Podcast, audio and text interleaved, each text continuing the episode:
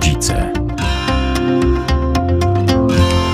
Pociągiem, czy samolotem, czy samochodem, czy wakacje na rowerze, czy w siodle, jakkolwiek innych tutaj jeszcze środków transportów e, moglibyśmy poszukać, to tak naprawdę grunt, że te wakacje są, ale czy rodzice tak samo się cieszą z tych wakacji? O tym między innymi dzisiaj porozmawiamy. Magdalena Lipiec-Jeremek, a także Piotr Wierzchoń, który ten program zrealizuje i Paulina Zagojska-Zięba, mama pięciu córeczek. Czy wszystkie na obozach, na wakacjach? Jak to wygląda tak przedziałowo, rocznik? Wyjątkowo. Wszystkie nawet nie mogą. Dobry wieczór to po pierwsze. Po drugie, wszystkie nawet nie mogą, bo najmłodsza ma 10 miesięcy, więc trudno byłoby ją wysłać na jakieś obozy. Ale najstarsze właśnie wczoraj pojechały, więc mamy e, trochę luzu. Bo nastolatki ostatnimi czasy są chyba najtrudniejsze w, we współistnieniu w domu, więc e, wyjechały i e, myślę, że wrócą w dobrych nastrojach, przede wszystkim trochę wytęsknione, więc może będzie lekko łatwiej. No i też y, rodzice chyba tęsknią. Zresztą widzimy takie posty, tak. prawda? Y, y, rodzice tak, ach, kiedy już wrócisz, odliczamy dni, prawda? Chociaż teraz te obozy to wcale nie są takie długie. To niekoniecznie są trzy, trzytygodniowe, prawda? Mhm. Czy dwutygodniowe. Raczej tak rodzice i najmłodsi wybierają takie pobyty tygodniowe. No, moje córki akurat prawie na dwa tygodnie pojechały, na 13 dni, więc y, tak trochę dłużej. Tak. Także dzisiaj krótko rozmawiałyśmy, bo już stwierdziły, że nie chcą się rozczulać, więc, y, więc szybko kończymy. E, w sumie to tak naprawdę e, młodsza córka mówiła, że nie będzie już dłużej rozmawiać. Starsza dzisiaj ze mną nie chciała rozmawiać w ogóle, ale myślę, że mówisz to się tych, zmieni. Mówisz o tych rozmowach już, że tak powiem, na łączach, tak? Tak, bo y, może na takie nietypowe trochę kolonie pojechały, kolonie, obóz, y, ponieważ nie używają tam telefonów komórkowych. A to wcale nie tak chyba nietypowo, bo tak jak przeglądałam różnego rodzaju oferty, mhm. więc w tych notatkach dla rodzica bardzo często jest zaznaczone wyznaczone. My na naszym obozie zajmujemy się tym, co mamy w planie dnia, tylko i wyłącznie pół godziny czasu o, no wolnego na takie spotkanie właśnie mhm. z rodzicem, na rozmowę. Natomiast przez cały dzień niejako te telefony komórkowe są zarekwirowane. I tak samo jest u dziewczyn. Nie ma telefonów e, w pokojach, są telefony u wychowawców i tylko po obiedzie mają czas na to, żeby zadzwonić.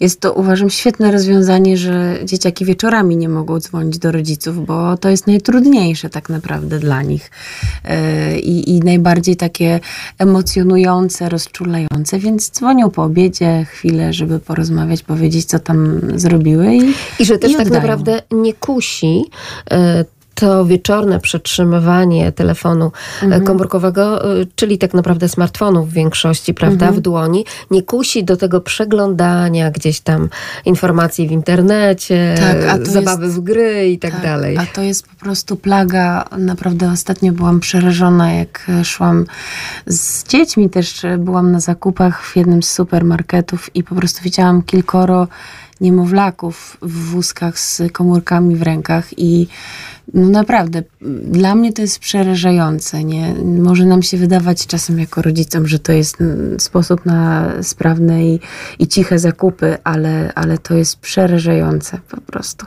Nie mam, ja, mój mąż częściej robi zakupy i właśnie w ciągu dnia czy tygodnia ja rzadko bywam e, w takich porach, porach, kiedy te dzieciaki mogą być w sklepach, więc tego nie widzę. Także jak już trafię na takie e, sytuacje, to naprawdę jestem e, przerażona, bo jesteśmy też świeżo po obozie właśnie z młodzieżą i to ma ogromny wpływ po prostu na te dzieciaki na później, na ten czas y, dorastania chociażby. I właśnie widać było takie kwiatki, kiedy naprawdę chłopcy nie mogą odłożyć telefonu w ogóle. Oni idą, my idziemy na wycieczkę dwa czy trzy kilometry i oni po prostu mają go ciągle w ręce. Nie mogą, nie są w stanie odłożyć do kieszeni. Więc to są, to są naprawdę już takie uzależnienia, które się zaczynają właśnie w tym okresie dziecięcym. Także Przerażające, Przerażające. są także te momenty, kiedy tak często tym najmłodszym dzieciom te telefony przekazywane są wtedy, kiedy dzieci są karmione. Wiele mam, mhm. takich mam, które chcą pokazać nowoczesny, matczyny styl życia, jak dużo tak naprawdę o poranku ogarniają. Nie wiem, czy gdzieś rzuciły ci się w oczy takie filmiki. No i właśnie to najmłodsze dziecko jest sadzane już w tym takim stoliczku tak naprawdę z krzesełkiem do tego, żeby sobie jakąś tam kaszkę zajadało, a na przykład mama się zajmuje tymi e, starszakami i temu najmłodszemu specjalnie dostosowany do tego stolika do karmienia jest już taki wysięgnik żeby... Kiedyś taki w wózku właśnie widziałam. Żeby zacumować mhm. niejako, prawda, ten telefon. Tak, w wózku, ale też doczepiany na przykład do siedzenia w samochodzie, mhm. po to, żeby także usprawnić tę jazdę, więc to jest rzeczywiście już coś, myślę, że dla wielu mam, e, tych już naj, najmłodszych mam, mhm. e, coś chyba takiego naturalnego i normalnego, niestety. No właśnie, niestety, bo mnie to przeraża. No ja jestem pedagogiem i po prostu z tymi dzieciakami starszymi miałam okazję pracować i, yy, i to się zaczyna już właśnie wtedy, kiedy, kiedy im dajemy ten telefon do karmienia dzieciaki też nie potrafią w ogóle różnicować, kiedy jest ten czas jedzenia, kiedy jest czas oglądania, kiedy jest czas, nie wiem, wychodzenia z domu, czy zakupów, kiedy jak mają się zachować, bo wszędzie są te zabawiacze, które po pierwsze powodują uzależnienia, po drugie, też bardzo źle wpływają na mózg. Są na to badania, które można. Ja, ja nie znam statystyk, tak żeby teraz tutaj jakimiś statystykami y, operować. Natomiast można to znaleźć e, bardzo łatwo y, w otchłaniach też internetu, chociażby są opracowania y, naukowe na ten temat, że to niebieskie światło naprawdę dla tych maluchów zabija szare komórki i powoduje trwałe uszkodzenia w mózgu. To nie jest tylko kwestia e, uzależnienia od oglądania jakichś tam filmów, tylko to są naprawdę trwałe uszkodzenia, które po prostu determinują życie tych dzieciaków i, mm, i wrażliwość, na przykład poziom adrenaliny, który jest potrzebny do tego, żeby e, reagować jakoś tam emocjonalnie na różne sytuacje, wydarzenia, obrazy. To ma naprawdę wielkie przełożenie i... Ja bym powiedziała, że jeszcze poza tymi takimi niejako technicznymi kwestiami, o których tutaj wspomniałaś, mhm. E, niesamowicie wpływa później już w tym wieku chociażby dojrzewania, czy wtedy, kiedy mamy do czynienia ze starszym dzieckiem, kwestia psychiki, odbioru świata, mhm. percepcji, jak ten świat e, wygląda, bo widzi dziecko tylko i wyłącznie taki świat kreślony przez dosłownie ułamek sekundy życia jakiegoś celebryty, czy innego drugiego człowieka, czy mhm. nawet nawet kolegi czy koleżanki, prawda? No I tak. wtedy tak naprawdę nie rozumie realnych mechanizmów rządzących światem. Mhm. Ale to też jest niesamowite, że nawet w czasie takiego obozu, tak, y, młodzi ludzie, którzy idą obok siebie, jeszcze te 15 lat temu byłoby to chyba nie do pomyślenia, że e, nie mają ochoty ze sobą porozmawiać, e, nie wiem, pośpiewać wspólnie, czy pośmiać się nawet, tak? Mhm. Po prostu poprzebywać ze sobą, tylko jednak ta dłoń z tym e, telefonem i, i nos w tym telefonie, tak? Tak, i oni ciągle coś przeglądają. Nie, wie, nie wszyscy, bo, bo nie mogę powiedzieć, że wszyscy. Było wielu, którzy nawet e, upominali na przykład tego jednego Weź już chłopaka. odłóż. Tak, prosili go, żeby od, nawet nie byli. Naprawdę widać było, że taką troską to e, robili. Mają też świadomość, myślę, mm, z czym się wiąże takie uzależnienie, bo, bo jest, no, jest dużo młodych ludzi, którzy są uzależnieni od telefonów. Zresztą e, mówi się o tym, że wszyscy jesteśmy, jesteśmy tak. tylko każdy w innym stopniu. E, natomiast to jest już takie uzależnienie, e, no, powiedziałabym nawet do terapeutyzowania. Y, i, i y, naprawdę do, no do bardzo intensywnej pracy, jeżeli dziecko nie jest w stanie pójść na spacer dwukilometrowy, nie trzymając telefonu w ręce. To jest, i on po prostu widać, że, że się czuje bardzo źle z tym, że go nie ma nie? że wkłada na Syndrom 5 minut i tak, wkłada na 5 minut i musi już wyciągnąć i już mieć znowu w ręce. Więc to jest, y, to jest naprawdę i, no i to niestety powoduje, że właśnie nie ma tej relacji, to o czym mówiłaś, że nie budują tej więzi między sobą, tak, którą można naprawdę nabyć y, na tych obozach. Ja pamiętam swoje wyjazdy obozowe i jakieś tam przyjaźnie i znajomości. To najważniejsze rzeczy, które się teraz do tej pory pamięta, to właśnie są takie reminiscencje tych e, więzi, które Tak, tam tak. miały miejsce, prawda? Tej atmosfery, nie wiem, wspólnego ogniska, wieczornej zabawy, czy tego wdrapywania się gdzieś tam na dany szczyt. Tak, albo robiliśmy sobie zdjęcia jeszcze z starymi aparatami.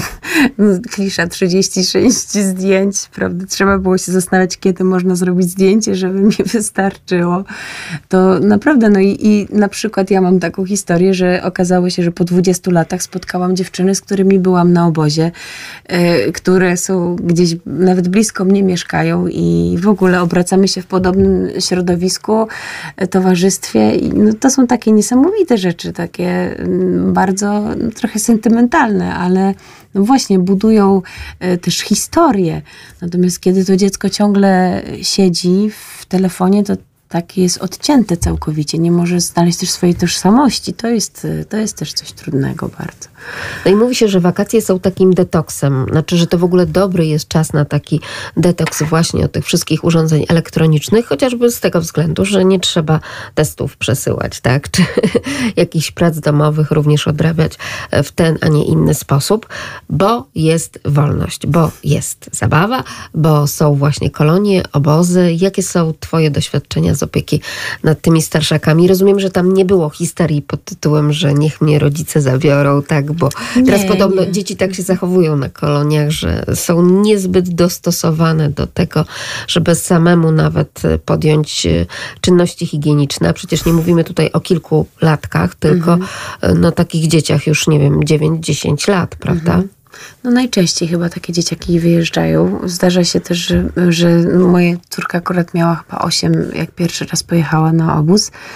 E, Ale y, nie mam takich doświadczeń, żeby ktoś tam chciał, żeby, aby go zebrali rodzice z obozu, bo my byliśmy z nastolatkami. Natomiast e, mamy takie, nawet e, rozmawiałam z dzieciakami starszymi właśnie, bo byli z nami nawet dziewiętnastolatkowie, które same widzą, jaka jest różnica między tym, jakie oni mają podejście teraz, czy mieli kilka lat temu, bo już od kilku lat jeżdżą na ten obóz, a to jak teraz się zachowują ci Ci najmłodsi, 13-14-latkowie, tak. E, Taka duża roszczeniowość, takie oczekiwanie właśnie tego, że mam mieć już tu na gotowe, tak, że to ja wybieram, ja decyduję, to ode mnie zależy. Jeśli mi się chce, to zrobię, jeśli mi się nie chce, to nie zrobię. Nie zmusisz mnie, tak. To są, może tak nie, nie używali takich słów, tylko bardziej chodzi o postawę. E, I ja mam wrażenie, że generalnie dzieciaki takie są. Nawet patrzę na swoje dzieci, które się też obracają w konkretnym środowisku i, i niejednokrotnie jakieś dyskusje, podważanie, pytania ciągle, ale dlaczego, ale po co, ale... Musimy tutaj iść? Tak, i jakby rodzic musi uargumentować każde, każdą decyzję, wszystko, co I tłumaczyć, i mówić. Tak, tak. I to jest, y, to też jest dla mnie trochę nie do pomyślenia jako mamy i im starsze dzieciaki, to tym bardziej w ogóle wymagają tego, żeby to z nimi pertraktować i tak dalej.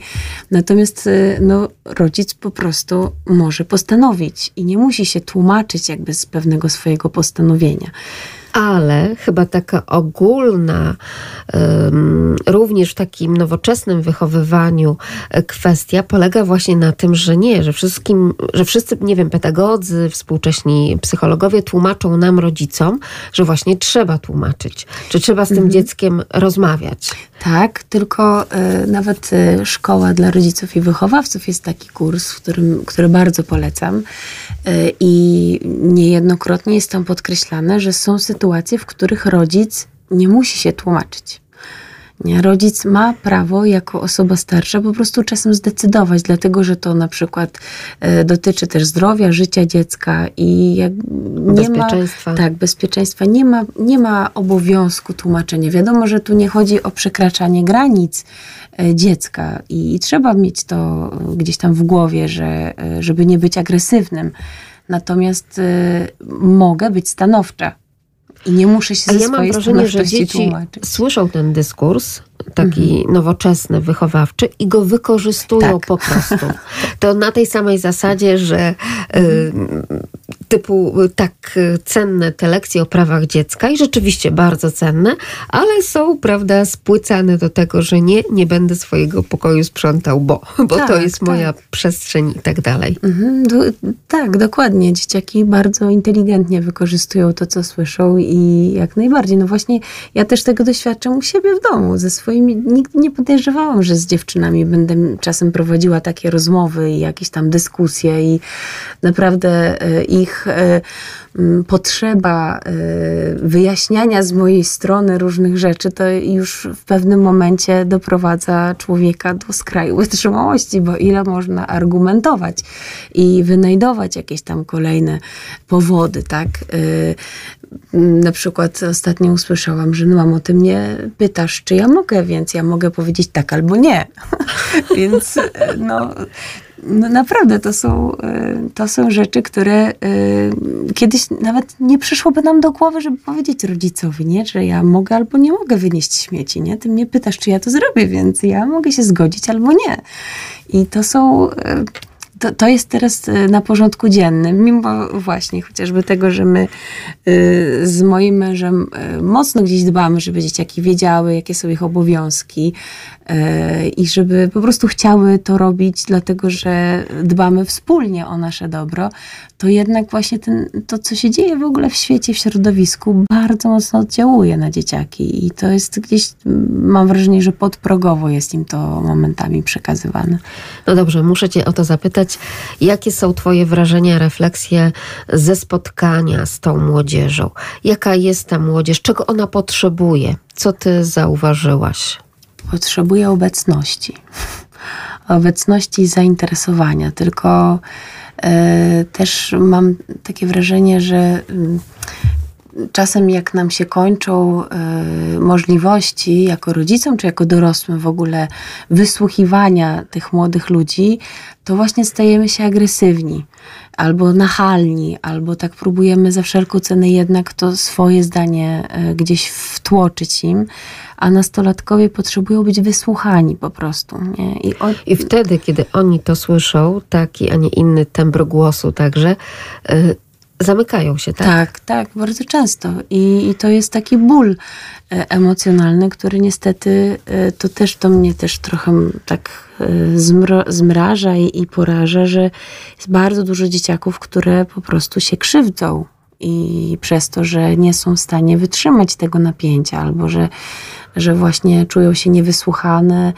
em, Czyli te wszystkie statystyki o samookaleczeniach Jest bardzo dużo. polskich dzieci, to też można zaobserwować Tak. nawet w takim najbliższym środowisku. I to jest, To jest niesamowite, bo wtedy, kiedy, nie wiem, na studiach miałyśmy zajęcia chociażby, Mhm. prawda, e, takie tylko i wyłącznie wstępne, e, dotyczące takich czy innych e, drastycznych zachowań, to nawet literatura naukowa podawała dosłownie pojedyncze przypadki, prawda? Mhm.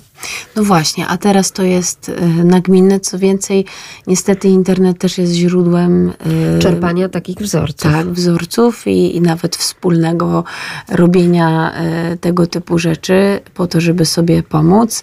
Wzajemnie nie, takie samo okaleczanie, powiedzmy właśnie gdzieś tam przez internet się umawiają dzieciaki.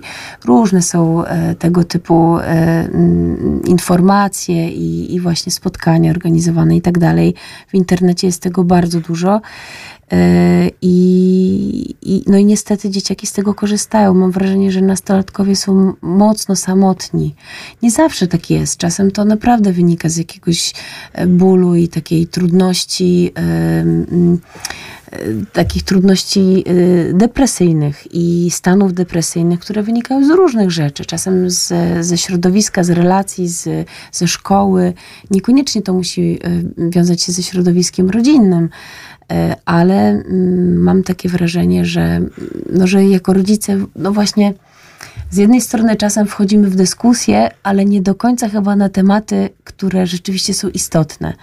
I nie wiem, mamy pretensje, że są czwórki, a nie piątki, że jest świadectwo bez paska, a nie z paskiem, że się znowu nie nauczyłaś, że znowu czegoś tam nie zrobiłaś, a nie mówimy, że świetnie, że to zrobiłaś, albo super, że przyszłaś i tu, o, widzę, że usiadłaś, chcesz pogadać, nie? A oni tak po prostu przemykają czasem koło nas i my jak nie dostrzeżemy tego w porę, że oni, mm, oni taki nastolatek no nie potrafi przyjść i powiedzieć mamo, nie wiem, jest mi źle, e, czuję, że chyba mam depresję, e, tak, nie chce mi się wstawać z łóżka i tak dalej. Natomiast no my musimy być, obserwować te nasze dzieciaki, a kiedy właśnie dajemy im też taką bardzo dużą przestrzeń do korzystania e, z nawet montowanie telewizorów dzieciakom w pokojach, co jest w ogóle dla mnie, to można bardzo też w internecie wiele, e, wiele inspiracji e, architektonicznych właśnie zakłada. Tak. E,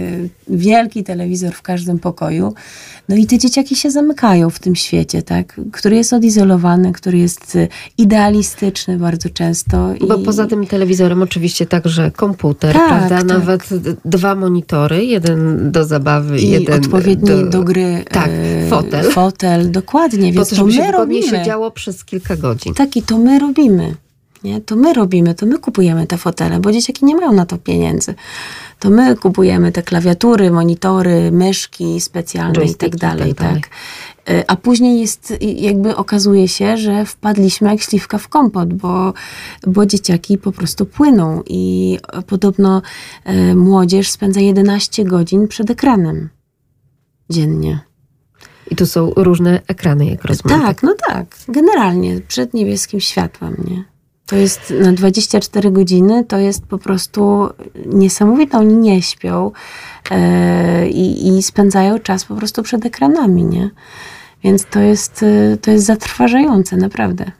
No dobrze, Przecież tak naprawdę tutaj poprosiłam cię o refleksję z wyjazdu, z wakacji, z mhm. obozu, z takiego wspólnego ale spotkania. o tym wszystkim tam tak, ale właśnie też to jest zastanawiające, że tak naprawdę nie nasuwają ci się jako pierwsze e, takie, nie wiem, wspólne przygody, że coś gdzieś, nie wiem, śmiesznego czy, czy e, ciekawego razem stworzyli, zrobili, tak? Tylko właśnie, że o tak ważnych rzeczach musicie tam rozmawiać po to, żeby je przepracować, tak? Mhm. Bo po to też, jak rozumiem, służy ten czas. Tak, ale mam, mam wrażenie, że dzieciaki są smutne. Te dzieciaki są smutne po prostu, nie? I one. Mm, nie, nie wiem, mam takie, mam takie wrażenie po tym wyjeździe, że po prostu nastolatkowie są smutni Czyli nie ma e, takiej inwencji nie mają werwy, tak. twórczej, nawet żeby zrobić sobie dowcipy nawzajem. Tak, tak? nie. Y, nawet... Żeby się pośmiać razem, zabawić. Y, tak. Nie wiem, obudzić się wcześniej po to, żeby kogoś oblać kubkiem zimnej wody. Tak. I teraz nawet są y, naukowe badania, które dowodzą, że wielu dwudziestolatków czy nastolatków na przykład ze względu na uzależnienia związane właśnie z y, komputerami, z, ze smartfonami, e, na tyle mm, może wolniej się rozwija, tak, tak może to będzie właściwe słowo, żeby y, w tym miejscu je użyć, e, mają mniejszą ilość testosteronu niż 60-latkowie. Co jest w ogóle po prostu mieliśmy taką całą y, taki, taką konferencję na temat właśnie e, cyber e, tych niebezpieczeństw, ale w ogóle cyberświata. E, I tak dużo czasu spędzają e, dzieciaki przed tymi ekranami, że one po prostu, to, to, to światło i w ogóle mm, promieniowania i tak dalej powodują, że on, jakby więcej jest innych hormonów, a tego testosteronu się wydziela bardzo mało u młodych chłopaków. Nie? E, I, I, bardziej dążą do tego, żeby mieć więcej adrenaliny na przykład, która ich pobudza do gry, do działania, niż, do, niż właśnie testosteronu. Także to jest nie... No, A później no, takie, takie trudne właśnie do zapytania, tak? do przyjęcia. Skąd te kryzysy męskości? Do, no dokładnie, dokładnie, ale to naprawdę ma właśnie swoje później konsekwencje w ich, e, w ich dorosłym życiu, nie? Kiedy jako tam 16 czy 17 latkowie no, Zresztą mm, naprawdę mm, ja, moje dzieciaki nie grają. e, ja po prostu nie wiem, jakie to jest zjawisko, dopóki się nie spotkam ze środowiskiem, w którym usłyszę, że takie rzeczy mają miejsce, tak? I jak y, słyszę te nazwy różnych gier, w ogóle ja się na tym kompletnie nie znam. Ja nie mam pojęcia w ogóle o, o co chodzi w tych grach.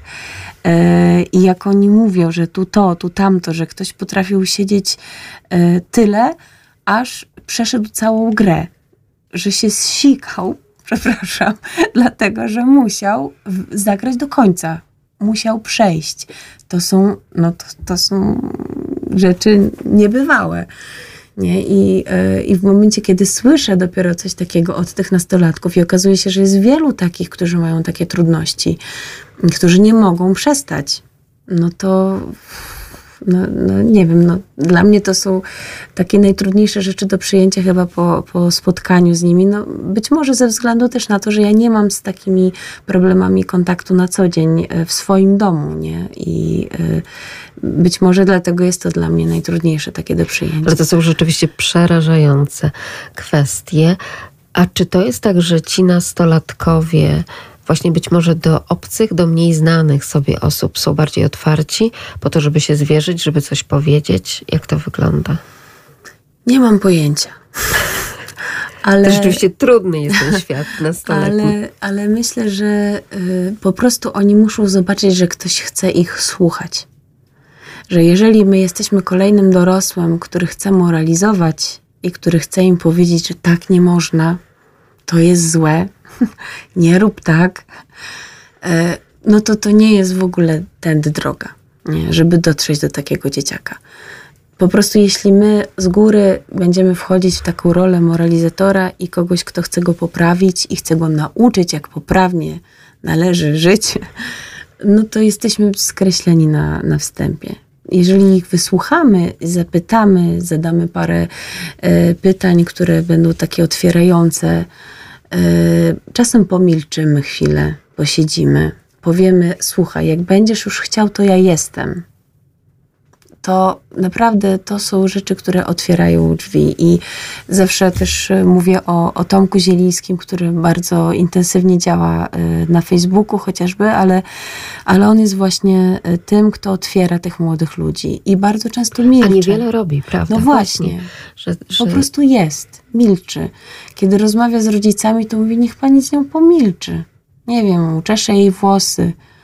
Kiedyś jedna mama mi właśnie mówiła o tym, że wie pani co, no nie wiedziałam jak rozmawiać z tą moją córką i poszłam do niej do pokoju wieczorem, mówię, słuchaj, może chciałabyś, żebym ci rozczesała włosy. A ona z takiej konsternacji trochę, no kurczę. No tak, takie rzeczy to się działy w przedszkolu, prawda? Tak, mama przychodzi mi włosy czesać, ale ta pani nie wiedziała, co ma zrobić, nie? A że dziewczyna ma długie, piękne włosy, no to... No i zaczęła jej czesać te włosy. I tak siedziały i kilka godzin, nie? Czesały i rozmawiały. I to był przełom po prostu w ich relacji. Bo może też, o dziwo, liczy się ten dotyk, prawda? Do, no dokładnie, bo to chodzi właśnie o tą bliskość, o okazanie tego, że ja jestem dla ciebie. Nie, nie mam znowu telefonu, ja też i sprawdzam tylko, kto mi wysłał wiadomość, kto, kto do mnie napisał, tylko po prostu jestem dla ciebie teraz. I tego, tego dzieciaki mam wrażenie, że najbardziej potrzebują, bo czują się po prostu samotne. Zresztą też kiedyś przeczytałam wypowiedź właśnie u Tomka yy, i chyba jakiegoś szesnastolatka, który mówił o tym, że, yy, że on może nie słyszeć, że rodzice mówią mu, że go kochają. Jeśli mają mówić tylko wtedy, kiedy on jest grzeczny. I grzeczne oczywiście to słowo w cudzysłów muszę ubrać, nie? Czyli kiedy dostosowuje się do tak, wszystkich norm. bo wtedy, kiedy on ma kryzys, kiedy on nie może, kiedy ma myśli samobójcze, kiedy nie daje rady, to wszyscy na niego wieszają psy i on po prostu nie może funkcjonować, nie ma komu o tym powiedzieć, bo zaraz wszyscy są na to źli. Natomiast wtedy, kiedy jest poukładane, kiedy przynosi dobre stopnie, no to wszyscy go kochają, tak? I właśnie dziecko potrzebuje tego okazania miłości wtedy, kiedy. Tak, i wtedy, kiedy jest źle, nie? Wtedy, kiedy mm, przekracza nasze też jakieś tam zakazy i tak dalej, nie? A, a nie wtedy tylko, kiedy się dostosowuje do tego, czego my wymagamy. No bo każdy z nas był z nastolatkiem i każdy z nas przekraczał granice. Ja też pamiętam swoje, swoje wybryki, których było dużo? I y, momentami można by było usłyszeć trochę inne słowa i myślę, że łatwiej byłoby mi teraz w pewnych sytuacjach. Natomiast no, y, tym dzieciakom y, współczesnym myślę, że jest jeszcze trudniej, bo one już w ogóle prawie nie mają takiego kontaktu na zasadzie rozmowy z rodzicami. Jest jej bardzo mało. A jak z nimi jest, jeśli chodzi o działanie? No, dużo mówimy o tych rozmowach. Mhm.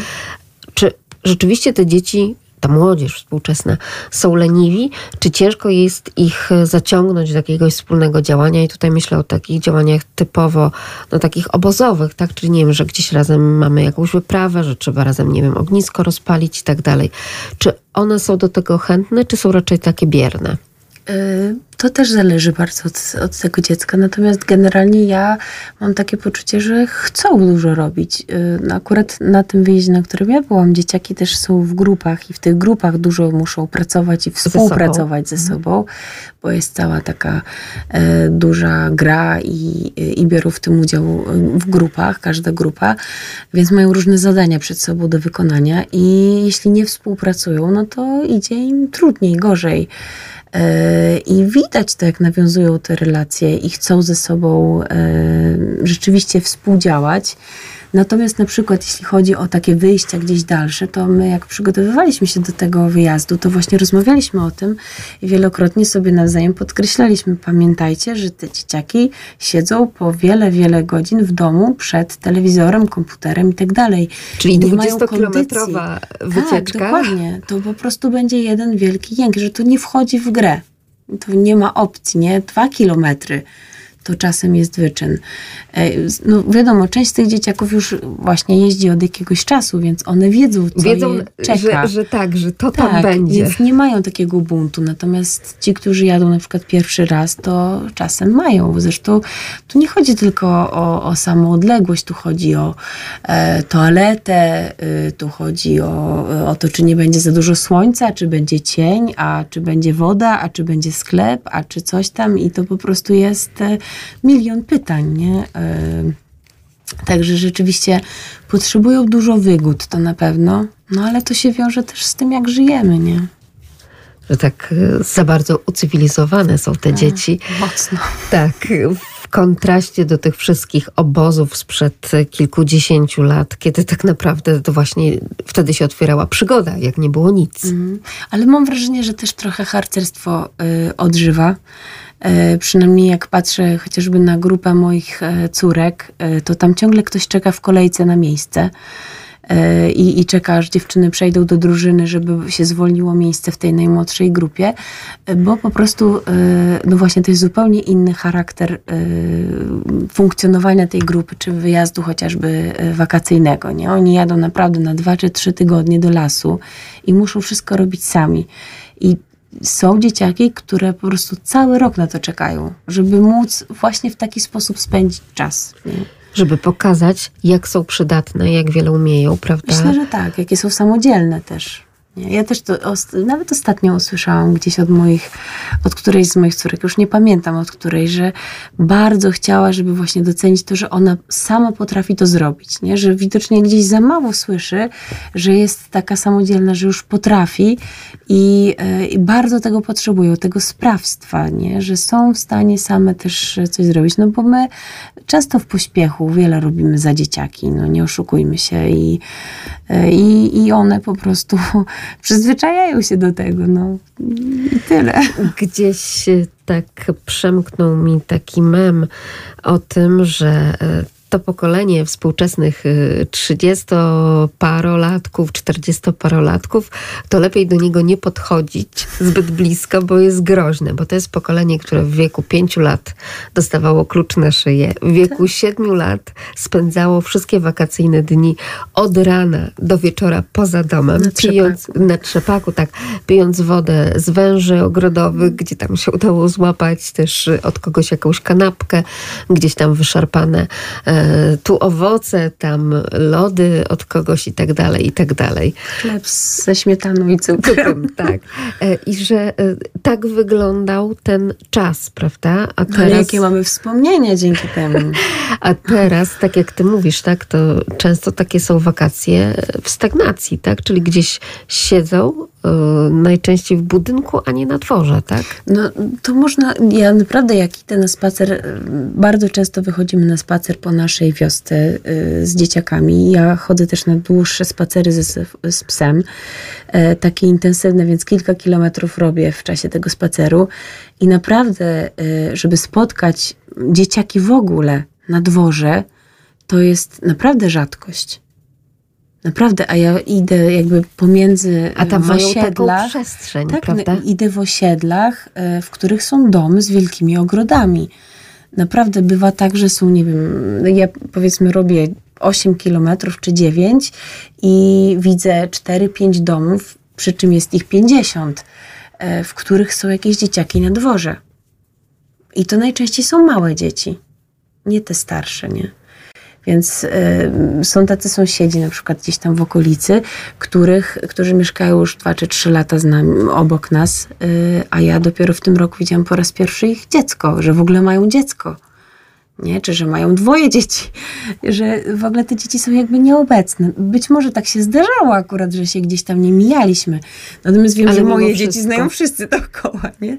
bo one ciągle gdzieś tam są. Y, chociaż też bardzo, bardzo mało y, korzystają z podwórka na przykład. To też jest jakiś taki właśnie znak czasów chyba, że mimo, że mają to, bo my nie mieliśmy, nie? Wszyscy mieszkali w blokach i, i nie mieliśmy tego, więc na placu zabaw to każdy kawałek trawy był Okupowany. po prostu tak i biliśmy się o to, żeby położyć tam koc, a nie na piachu, czy żeby usiąść na tej części trzepaka, a nie na tej drugiej, która była mniej wygodna i, i to, to było życie a teraz po prostu oni wszystko mają e, dostępne, mają swój osobisty trzepak, swoją osobistą, e, swój osobisty plac zabaw e, czy, czy podwórko i z tego nie korzystają, nie? Naprawdę, ja, ja czasem właśnie tak myślę też no, chociażby o swoich dziewczynach, nie? że mają, jest piękna pogoda, mają basen, mają plac zabaw, mają piękno, e, zieleń, świeże powietrze i siedzą w domu. No teraz są na obozie, tak? No tak, tak. Ale, ale te młodsze siedzą w domu. Dzisiaj, dzisiaj biegały po deszczu. To w ogóle byłam w szoku, że wyszły na dwór i y, stwierdziły, że chcą zmoknąć. Więc y, naprawdę super. Dobrze, że wyszły i, i że to zrobiły, ale, ale generalnie trudno jest im wychodzić. I mam wrażenie, że to jest taki znak czasu po prostu. Ale też jeśli chodzi już o te starsze, które widzą różnego rodzaju wzorce właśnie, czy w telewizji, czy w internecie i tak wiele bodźców dostają z tego szklanego ekranu, że im chyba, nie wiem, może niepotrzebne są takie bodźce, bo jakby tutaj już ta adrenalina zostaje pobudzona, e, mhm. takie bodźce społecznego spotkania, czy nawet, nie wiem, pokłócenia się z tymi przyjaciółmi, tak, pogodzenia się potem, e, bo tak naprawdę to im serwują seriale, platformy streamingowe, mhm. e, gry, Myślę, że tak. No, po prostu życie ich się przeniosło e, do tego świata wirtualnego. E, ale no, ten świat nigdy nie zastąpi im relacji i bardzo często jednak jakieś ich trudności e, wynikają z tego, że, e, no, że właśnie są odcięci, bo to jest tak jakby mm, te kanały, nie wiem, słuch, dotyk, e, węch są odcinane i on, im zostaje tylko wzrok. I, I okazuje się, że ten wzrok no, nie jest w stanie odpowiednio interpretować różnych sformułowań, które są wpisywane w internecie. Często te jakieś hasła czy obelgi powodują różnych, dużo trudnych emocji, które jest nam ciężko przyjmować. Nie mamy się z kim tym podzielić, bo na przykład okazuje się, że właśnie wszyscy, którzy byli naszymi przyjaciółmi, podobnie myślą i wypowiadają się w internecie, tak samo na nasz temat. Pojawia się jakiś tam ten hejt tak zwany i tak dalej, czego jest mnóstwo. Po prostu to jest tak, że dzieciaki płyną, jeśli wystarczy jedno zdanie czyjeś i one płyną płyną kompletnie. I o tym też mówią ci młodzi ludzie, że czasem jedno zdjęcie ktoś wrzuci i w ogóle też nie ma świadomości, jaka jest odpowiedzialność za to. E, kiedy się wrzuca czyjeś zdjęcie do, e, na portale społecznościowe bez zgody tej osoby, to, to te wszystkie komentarze, które się pojawiają, to tak mocno te, te dzieciaki e, mm, od środka, mam wrażenie, mam wrażenie, rozsadza, że one właśnie później muszą sobie z tym radzić w jakiś inny sposób, nie? I, I one nie mają z kim porozmawiać o tym. Czasem boją się mówić rodzicom. Albo też właśnie zakładają, że nie będą wysłuchane, bo nie były na przykład, więc że na ten temat też rodzice nie wysłuchają e, i zostają z tym same, nie? I radzą sobie niestety bardzo często przez autoagresję. I powiem szczerze, że naprawdę nie podejrzewałam, że to jest aż tak powszechny e, problem. E, a, a naprawdę po pracy też właśnie w szkole z starszą młodzieżą, i, I teraz e, chociażby po tych wyjazdach, po kontakcie z, z tymi młodymi ludźmi, naprawdę to jest, e, to jest bardzo. Zresztą e, no widać to po prostu, nie? Widać to, kiedy się dzieciaki okaleczają, to to widać. Czasem rzeczywiście chodzą tak ubrane, że, że nie widać. Zakrywają. Tak, zakrywają. No ale znajdują miejsca, których nie widać. Nie? I, I widać tylko czasem na przykład, przez przypadek. I, I to są potworne, potworne rzeczy. Trzeba być niesamowicie uważnym, prawda, na tego mhm. typu działania i na tego typu akcje, ale też to jest takie zastanawiające, że no tak wiele tych inspiracji jednak skądś mają, prawda? Mhm.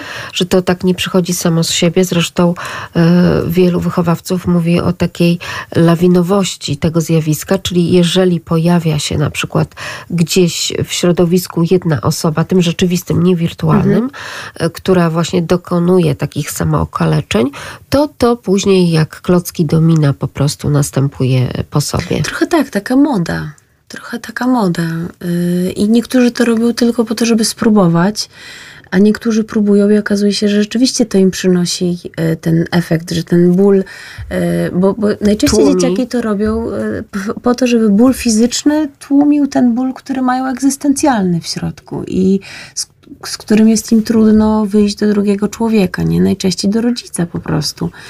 E, no i, i, oni w ten sposób sobie to gdzieś tam rekompensują ten ból. Ale to jest strasznie tak. dziwne, bo mówi się o tym e, e, pokoleniu, czy, czy też w ogóle o tych młodych pokoleniach, że to takie delikatne, kruche dzieci chowane pod kloszem, więc skąd one mają siłę do tego, żeby zadać sobie ból aż do krwi? Bo to, co boli w środku, boli bardziej. Nie? Samotność, po, porzucenie, odrzucenie no nie wiem, ja nigdy nie doświadczyłam tak, e, takiego odrzucenia, takiej samotności, e, żeby musieć jakby to w jakiś sposób e, gdzieś tam inny sobie pomagać i wspomagać. Zresztą nie wiem, czy w ogóle sięgnęła po, tak, po taki sposób, bo to na pewno jest związane po prostu ze zdrowiem psychicznym też, z takimi stanami depresyjnymi bardzo często. Które są bardzo powszechne. No mówi się o tym, że to jest taka cywilizacyjna choroba już depresja, nie? I, i która wynika bardzo często właśnie z opuszczenia, z tego, że, że jesteśmy sami. Nie? Że, że nie ma relacji takich prawdziwych, że nawet, nawet ci, którzy, których uznajemy za przyjaciół, w momencie, kiedy się pojawiają jakieś problemy, to już nie są naszymi przyjaciółmi, nie?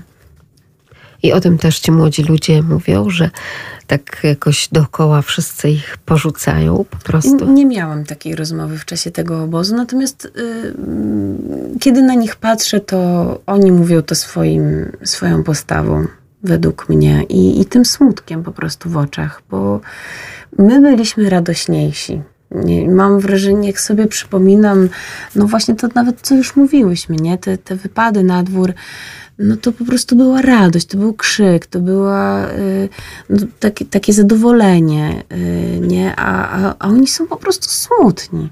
No, wiadomo, że się wygłupiają czasem i, i, i coś tam y, zrobią. Natomiast generalnie mam wrażenie, mają większość, większość młodych ludzi ma po prostu smutne oczy, takie smutne, opuszczone oczy, nie? Może właśnie dlatego, że te oczy e, taki zbyt e, piękny, e, zbyt bogaty także i taki pełen ideałów materialnych, a nie takich duchowych świat widzą właśnie w mediach społecznościowych, Bardzo prawda? możliwe, do którego jest im w ogóle trudno dotrzeć, nie? Ale też... Jest to niemożliwe, ale żeby właśnie, do niego Ale też dotrzeć. taki świat tak naprawdę nie jest. No, a oni bardzo często myślą, że jest. Nie? Tak, czyli w myśl zasady ciesz się z tego, co masz, albo przynajmniej się śmiej, to tutaj to się nie sprawdza, prawda? No raczej nie. A jakiej muzyki słuchają? W ogóle słuchają muzyki? Czy ta muzyka była e, obecna w czasie tego obozu? Y, Tak, to śpiewali, jakby dużo śpiewaliśmy, bo to też taka trochę specyfika tego wyjazdu, ale, y, ale mm, generalnie nie rozmawialiśmy też o muzyce. E, No, ja też mogę mm, przez pryzmat swoich dzieci y, myśleć o tym, czego słuchają młodzi ludzie i, e, i, i no, raczej nie jest to porywające. Niestety. Znaczy, oczywiście, no, wiadomo, że moje dziewczyny też słuchają czasem e, pani, która tam na Eurowizji występowała, ale słuchają też i ambitniejszej muzyki, nie? I myślę, że wśród młodych jest bardzo podobnie. Innych młodych, innych nastolatków, ale, ale generalnie y, chyba częściej słuchają y, wypowiedzi youtuberów i jakichś tam vlogów y, i tym podobnych rzeczy niż Też y, to muzyki. zauważam, tak. Też to zauważam. A propos jeszcze takiego e, plastikowego, idealnego świata, no to ponieważ jesteśmy mamami córek, to cię też muszę o to zapytać. No wszedł hitowy, prawda, film różowy Barbie do kin i ja jestem zszokowana tym, że na przykład rodzice e, wybrali się na ten film z dziećmi, z dziewczynkami kilkuletnimi, e, które właśnie tam poszły na ten seans, oczywiście z lalkami swoimi Barbie, tak, żeby tam razem wspólnie z nimi oglądać. I później e, wychodzą z tego kina i mówią, ale to przecież to w ogóle nie był film dla dzieci, więc w ogóle dlaczego? Dlaczego Barbie w realnym świecie raczej nie, nawet nie brzmi jak e, film dla dzieci, tak? E, nie Ale- ja nie byłam. Ale tu się kłania taka pierwsza dyskusja, też nie byłam, yy, taka pierwsza dyskusja, bo w ogóle jakoś tak Barbie to, to nie moja No właśnie, u nas, bajka. I u też, nas też e, staramy się, żeby nie była, choć dziewczyny czasem e, gdzieś tam próbują forsować, ale to te stare bardziej filmy, e, takie Barbie. Natomiast nie, nie były i nawet byliśmy w kinie ostatnio e, i mówiły, że nie chcą na to iść, więc e, że w ogóle nie mają ale to mi przypomniało taką dyskusję, wtedy kiedy ta lalka powstawała, znaczy inaczej, kiedy była niejako przeszczepiana tak na nasz polski grunt i wiele osób mówiło, że to nie jest lalka dla dzieci. No właśnie. Więc jakby tutaj te mm, znaki zapytania takie rodzicielskie są też dla mnie takie bardzo, e, bardzo zastanawiające. E, Czy w pokoju twoich dzieci to dużo tych lalek jest? Nie, i one generalnie są raczej z poobcinanymi włosami i takie... Myślałam, że nogami, nie nogami, ale, ale są y, wykorzystane bardzo intensywnie. Nie, dziewczyny jakoś e, nie, nigdy strasznie nie przypadały. Zresztą nawet jeśli wybierały jakąś lalkę, to raczej bardziej podobną do siebie, bo teraz jest duża przestrzeń, Tak. jeśli chodzi o wybór Czyli nie lalek. tylko, prawda, blondynka. Tak, właśnie. Także one bardziej, e, jeśli już, to chodziło w ogóle o rodzaj tej lalki, czyli o jakąś kobietę, tak, e, ale na, częściej wybierały takie bardziej podobne do siebie, mam I wrażenie. mam też, tak jak cię słucham, to mam taką nadzieję, że też bardziej ubrane niż rozebrane, tak? Tak, no to, to, to już mama walczy częściej. Ale no, dużo o tym rozmawiamy z dziewczynami. E, No mam córki same, nie? Więc e, dużo e, i tu nawet nie chodzi o jakąś tam skromność, cno- cnotliwość i tak dalej, tylko chodzi Chodzi o elegancję nawet. Znaczy o godność w ogóle, nie? Że to też y, przekłada się strój e, świadczy o tym, jak się przeżywa swoją cielesność i seksualność, tak? I jeżeli chcemy, żeby ta seksualność była dla wszystkich, no to się wtedy rozbieramy. Jeżeli chcemy, żeby ona była w wyjątkowych okolicznościach wykorzystywana, no to wtedy trochę inaczej podchodzimy do ubioru, do ubrania w ogóle, tak? I no, dziewczyny niestety widzą to, że wszyscy chodzą z odkrytymi brzuchami, czy... Nie tylko brzuchy, ale i pośladki. No właśnie. E, I to nie jest kwestia tylko lata, ale na przykład tej mody takich japońskich e, spódniczek, nie wiem, się tak, to z tym tak. kojarzy, mhm. prawda? Takich króciusieńkich, plisowanych, nawet krótszych niż takie, w jakich Iga Świątek gra na korcie, tak? Bo to one tak. coś tak w kroju troszkę przypominają te tenisowe spódniczki, tak? Więc to jest dla mnie takie zastanawiające.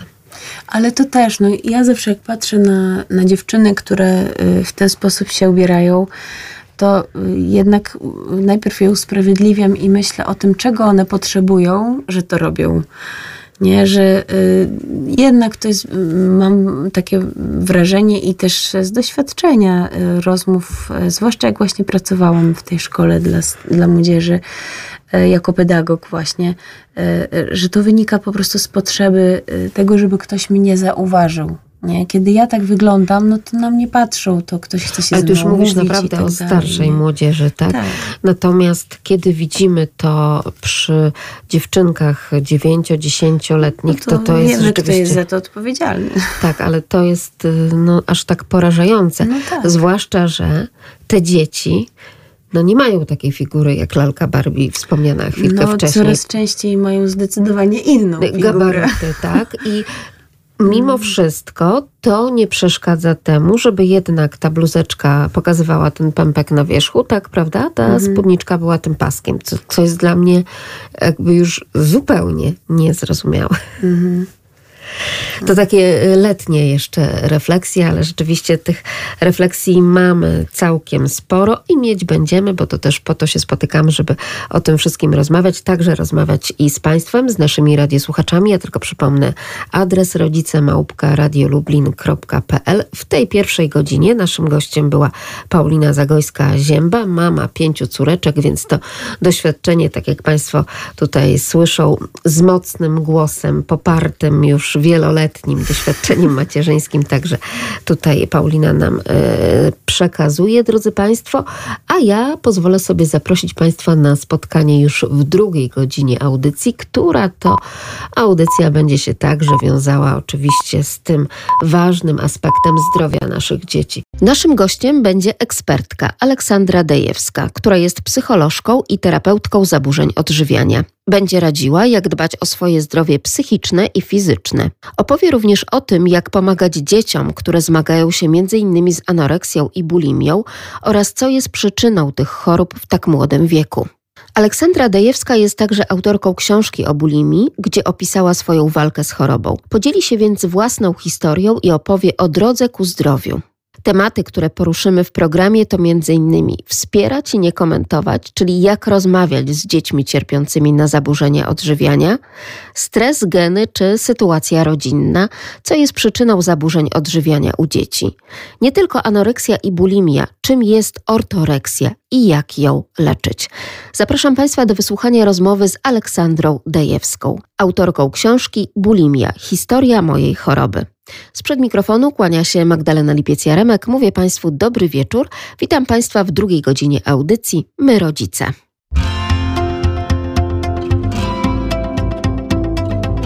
My Rodzice.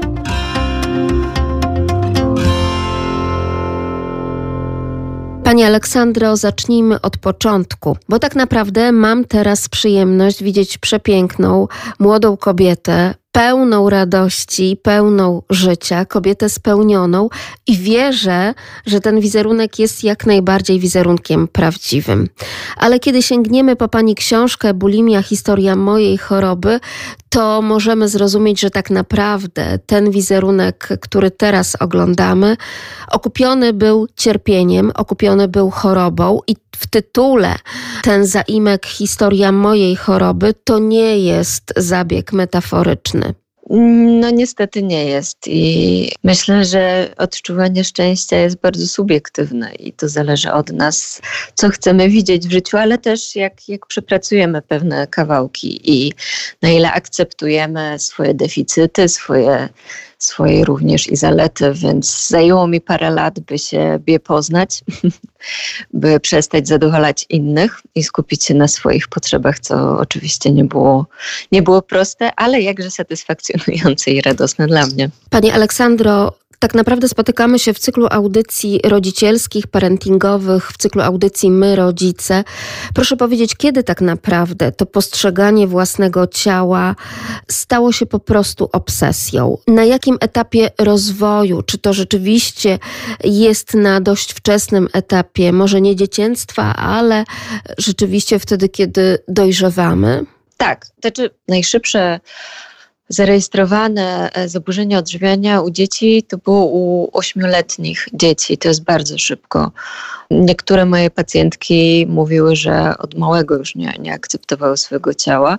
Ja akurat miałam doświadczenie takie, ponieważ jestem na, na moje nieszczęście rocznikiem gimnazjalnym, więc u mnie w gimnazjum zaczęła się tak odchudzanie, brak akceptacji. Tak jak przywołuję w pamięci, to były te lata 2000, więc wtedy były te biodrówki, płaski brzuch, straszny kanon, jeśli chodzi o, o nierealny do osiągnięcia I, i, pamiętam, że też i w liceum byłyśmy zafiksowane na, na takim wyglądzie, więc no tutaj odnosiłyśmy bardzo swoje ciało do tego, co widziałyśmy. W mediach, co prawda nie było social mediów wtedy, ale, ale były gazety, były teledyski, tak, więc to, to było takie źródło kanonu. A druga sprawa, um, kiedy nie jesteśmy ułożeni w środku, tak, i, i kiedy mamy niepoukładane pewne struktury, to będzie się to przynosiło na relacje z własnym ciałem, tak, bo czasem łatwiej jest obwinić siebie, niż skonfrontować się z tym, co trudne, albo zobaczyć na przykład trudności w relacjach z bliskimi, tak, że oni nie są na przykład, nie są omimopotentni, tak, i czyli nie, nie wiedzą wszystkiego, albo że też mogą popełniać błąd. I nierzadko w takim momencie dzieci, nastolatki dopatrują się winy w sobie, nie? dopatrują się winy w wyglądzie, że gdyby były bardziej chude, nie wiem, lepszymi uczniami, to miałoby więcej uwagi, opieki, troski, albo byłyby bardziej widziane. I tak samo też było u mnie. Pani Aleksandro, przecież teraz już mamy przyjemność rozmawiać z psychologiem, terapeutą zaburzeń odżywiania. Czy przez pryzmat Pani doświadczenia, przez pryzmat już profesjonalizmu i pracy, jeśli chodzi o tę ocenę wczesnego rozpoznania tych zaburzeń odżywiania, wspomniała tutaj Pani o tym etapie gimnazjalnym. Dlaczego użyła Pani tego sformułowania, że to na nieszczęście jednak jestem rocznikiem gimnazjalnym? Czy rzeczywiście w perspektywie takiego rozwoju, rozwoju, zwłaszcza psychologicznego, to o czym wielu pedagogów i psychologów i socjologów y, mówiło, to trochę było takie wyrwanie ciągle jeszcze dzieci ze znanego im środowiska i niestety rzucenie na zbyt głębokie wody, te właśnie gimnazjalne. I być może stąd tak wiele tych problemów psychologicznych. Ja byłam na początku reformy, więc wtedy był chaos, jeśli chodzi o, o, materiały, o, no to tak jak teraz, tak są, są zmiany i jak przy każdych zmianach jest, jest chaos. Więc to był początek. Faktycznie wyrwano nas szybko, tak, z, z jednej grupy, potem była druga, to trwało trzy lata, a potem kolejna grupa trzy lata. Więc trudno było też te relacje rówieśnicze utrzymać. Dla innych to był na przykład nowy start. Nie? Jeżeli te relacje w podstawówce były nie najlepsze, no to była możliwość nowego, że tak powiem, życia i, i obrazu siebie, nie? stworzenia. Ja natomiast uważam, że trochę za szybko. Nie byliśmy jeszcze też w pełni dojrzali, no to trudno powiedzieć, żeby dziecko w wieku 12 lat miało tą dojrzałość, ale jednak jak mam taką, taką obserwację, że w gimnazjum to już też chcieliśmy być bardziej dorośli niż, niż byliśmy w rzeczywistości. A, więc taki okres dosyć, myślę, że trudny przejściowo i ja osobiście uważam, że chociażby ze względu na naukę, tak też i to jak materiał był ciągle powtarzany, czy nawet element rozwojowy. Raczej uważam, że le lepiej było, ponieważ mój brat był rocznikiem, który przechodził przez 8 klas i jakoś mam wrażenie, że to były bardziej dojrzałe roczniki niż, niż moje, ale to moje subiektywne odczucie. To poproszę teraz też jeszcze i subiektywne odczucie, ale także przez pryzmat, zwłaszcza Pani pracy z pacjentami, bo teraz spotykamy się w tak trudnym czasie i okresie po pandemii COVID-19. Mówi się o tym, że tak naprawdę ta pandemia dokonała ogromnego spustoszenia tego psychofizycznego, właśnie mhm. zwłaszcza w młodych ludziach, w dzieciach, w nastolatkach. Tak, ponieważ w wieku nastu lat uczymy się tworzyć relacje społeczne, budować, prawda? Mamy potrzeby przynależności. To też normalne jest i naturalne, że nastolatkowie odchodzą trochę od rodziny. Nie to, że zrywają całkowicie kontakt, tak? No ale wtedy też i, i, i rówieśnicy stają się ważni, inne autorytety, rozwijamy kompetencje społeczne. W związku z tym, kiedy dzieci były zamknięte na w sumie dwa lata, nie, z tym oczywiście z przerwami, to ja obserwuję ogromny brak, jeśli chodzi o trudność pojawia się w nawiązaniu relacji, powrotu do szkoły. Zresztą to samo mają pacjenci, którzy na przykład są hospitalizowani z powodu zaburzeń odżywiania, a potem mają nauczanie indywidualne i potem trudno jest wrócić do szkoły. Ja osobiście po, po pandemii zaobserwowałam wysyp, jeśli chodzi o zaburzenia odżywiania, zaburzenia lękowe. Bardzo dużo nastolatków też deklarowało obniżony nastrój i myśli samobójcze. Zresztą nawet statystyka odnośnie prób samobójczych wśród młodzieży była bardzo wysoka, bo chyba 2000 ponad, tak? Tak, pełna e... zgoda. I niestety ta statystyka jest statystyką przodującą, wiodącą, jeśli chodzi o Europę. To jest coś zatrważającego. Dlaczego nasze dzieci polskie właśnie są w tak e, słabej kondycji psychofizycznej? Hmm.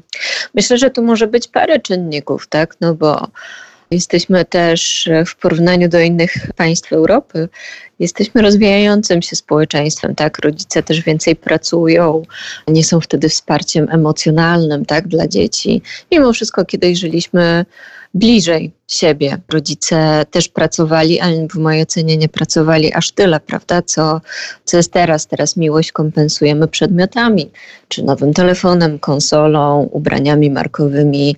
Kiedyś żyliśmy bardziej w kupie. Jeżeli rodzice pracowali, to była opieka też dziadków, prawda? Kogoś innego, więc mimo wszystko ten kontakt społeczny był, był bliższy. My byliśmy bliżej, bo mimo wszystko, że mamy social media, to nie jest to kontakt taki jakościowy tak? Więc nie wchodzimy w interakcję. Zupełnie inaczej jest, jak jesteśmy razem w pomieszczeniu, a zupełnie inaczej jest, jak teraz ktoś pisze wiadomość, a dana osoba odpisuje po trzech dniach na przykład, prawda? Więc trudno w, w takiej sytuacji czuć się ważnym dla kogoś albo być, bycie branym pod uwagę, a mimo wszystko człowiek jest istotą społeczną i nawet jeżeli mamy introwertyzm w sobie, to nawet introwertycy potrzebują kontaktu z innymi, być może w mniejszym natężeniu, ale jednak, tak? Jeżeli jeżeli spojrzymy na świat zwierząt, to zwierzęta, które są odrzucone przez stado, mówiąc brutalnie, zdychają. Tak? Obserwujemy wtedy wzrost właśnie zaburzeń lękowo-depresyjnych. Tak? I zresztą wsparcie społeczne wpływa na to, jak sobie radzimy z kryzysami i wpływa na tak zwaną prężność psychiczną. I im lepszą mamy sieć kontaktów i, i, i wsparcia, tym lepiej radzimy sobie z kryzysami niż osoby, które są na przykład samotne. Tak? Oczywiście sama nie oznacza samotna, więc to też warto dodać. Wracając jeszcze do kwestii naszych dzieci i młodzieży tuż po pandemii, tak wiele z tych uczniów podjęło się e, mimo wszystko rezygnacji z tych kontaktów społecznych, rezygnacji z nauki w szkole. Podjęli taką decyzję wraz z rodzicami, uwarunkowaną różnymi w różnych rodzinach, różnymi sytuacjami, ale też gdzieś w tych ankietach, na które się natknęłam, pojawiła się tego typu kwestia, bo tak bardzo przytyłam przez pandemię, bo tak bardzo bardzo przytyłem przez pandemię, że nie chcę przychodzić do klasy, bo i tak się wszyscy ze mnie śmieją. To, że rozmawiamy dzisiaj i z psycholożką, i terapeutką zaburzeń odżywiania, wskazuje nam, jak bardzo to, w jaki sposób odbieramy siebie, jak myślimy, jak bardzo psychologia związana jest, no właśnie, z tym, co wkładamy do buzi i co jemy. To jest mhm. aż niesamowite, prawda? Kiedy to tak mhm. tak naprawdę wszystko się zmieniło? Kiedy tak naprawdę kwestie jedzenia, które jeszcze naszym praprzodkom zapewniały po prostu życie i zdrowie i funkcjonowanie, prawda? Stało się tak bardzo obsesyjne, tak bardzo kompulsywne? Wydaje mi się, że problem zaburzeń odżywiania to nie jest tak, że to jest nowomodce czy nowomoda to w ogóle nie jest adekwatne określenie, to nie jest coś, co pojawiło się teraz, ponieważ jeżeli spojrzymy na karty historii, to zaburzenia odżywiania istniały, tylko nie umieliśmy ich nazwać i zdiagnozować, tak? No bo były womitoria w Rzymie, gdzie ludzie biesiadowali, a potem prowokowali wymioty, potem by móc dalej biesiadować. E, kiedy jeszcze nie było um, takiej mody na bycie astetą, tak, na umartwianie swojego ciała były osoby, które głodziły się na śmierć, więc jeżeli przyjrzymy się, to gdzieś ten wątek związany z jedzeniem on był. Natomiast mam wrażenie, że teraz jest dodatkowo podkręcony tym, że no, człowiek zawsze porównywał się na przestrzeni lat do innych, tak? I to czy to nasze lata, czy to średniowiecze, tak? zawsze porównywaliśmy się i odnosiliśmy. Tylko teraz odnosimy się do czegoś, co nie jest realne, prawda? No bo są zmodyfikowane i obrazy, są osoby po operacjach plastycznych, które biologicznie tak nie wyglądają i nie wyglądały.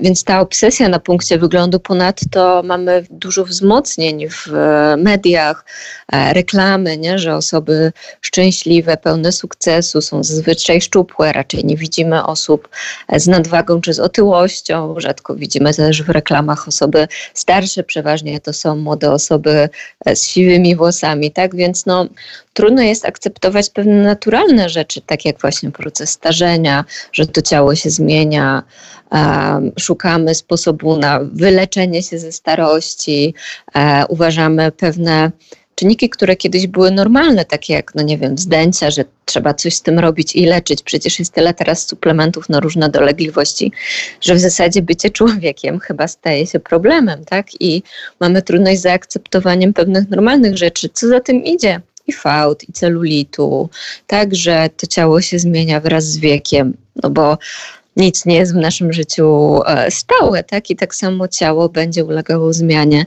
czy jeśli chodzi o kwestie porodów, czy jeśli chodzi o kwestie dojrzewania, tak? To z czym mają problem nastolatki, no to, że na przykład ciało kobiety się zmienia, więc dostaje kobiecych kształtów, tak? I, i tu jest trudność, bo na przykład widzi w sieci osoby wychudzone. Zresztą teraz też jest modny K-pop, tak, czyli koreański pop. Tam jest z kolei fabryka, która tworzy tych piosenkarzy i piosenkarki, tak, bo to są całe e, zespoły, e, które każą im na przykład w ciągu tygodnia schudnąć 7 kilo czy 5 i tam było wyznanie na przykład jednej osoby, że jadła tylko kostki lodu i bała się, że na przykład po nich przytyje. Więc jeżeli młodzież ma takie odniesienie, tak, do ciała, a z kolei mniejszy kontakt z rodzicami, no bo rodzice więcej pracują, tak, żeby, żeby zapewnić byt. No, teraz mamy jeszcze dodatkowo trudną sytuację ekonomiczną i inflację, więc ta ilość pracy jest i bardziej nerwowa atmosfera, więc myślę, że to wszystko ma wpływ na to, że próbujemy czasami też odzyskać kontrolę i w jedzeniu albo w ciele, no bo jeżeli sypią mi się niektóre obszary w moim życiu, no to będę próbowała odzyskać kontrolę no właśnie w tym, gdzie, gdzie mogę mieć wpływ. I nierzadko pacjentki, zresztą sama tak uważam, że odchudzanie to jest jedyny obszar, w którym mi wychodzi. Nie? Więc to jeżeli przyjrzymy się aspektowi zaburzeń odżywiania, tego co to daje, to to spełnia różne potrzeby emocjonalne, jak właśnie poczucie skuteczności, pewność siebie, akceptację. E, więc myślę, że oprócz czynników takich kulturowych, które są teraz zupełnie inne niż kiedyś, jesteśmy bombardowani dużą ilością informacji, no bo kiedyś człowiek średniowieczu tyle, co my w ciągu dnia, to no, usłyszał w ciągu miesiąca albo roku swojego życia, tak? A my mamy to wchodząc na social social media, więc też jesteśmy przybodźcowani. Mamy trudność z weryfikowaniem informacji, które są prawdziwe, a które fałszywe, bo trudniej jest dojść do źródeł, tak? Więc tutaj jest masa czynników, które może wpływać na obsesyjne podejście i kompulsywne do jedzenia. Jedzenie jako regulator emocji. Jeżeli przyjrzymy się też osobom, które kompulsywnie jedzą, to czasami jest to najtańszy sposób, prawda, na dostarczenie sobie przyjemności, no bo kilogram czekoladowych cukierków w jakiejś sieci jest tańszy na przykład niż pójście do kina, do teatru czy, czy pójście na jakieś zajęcia, tak? Więc y, to jest też szybsze poprawienie nastroju.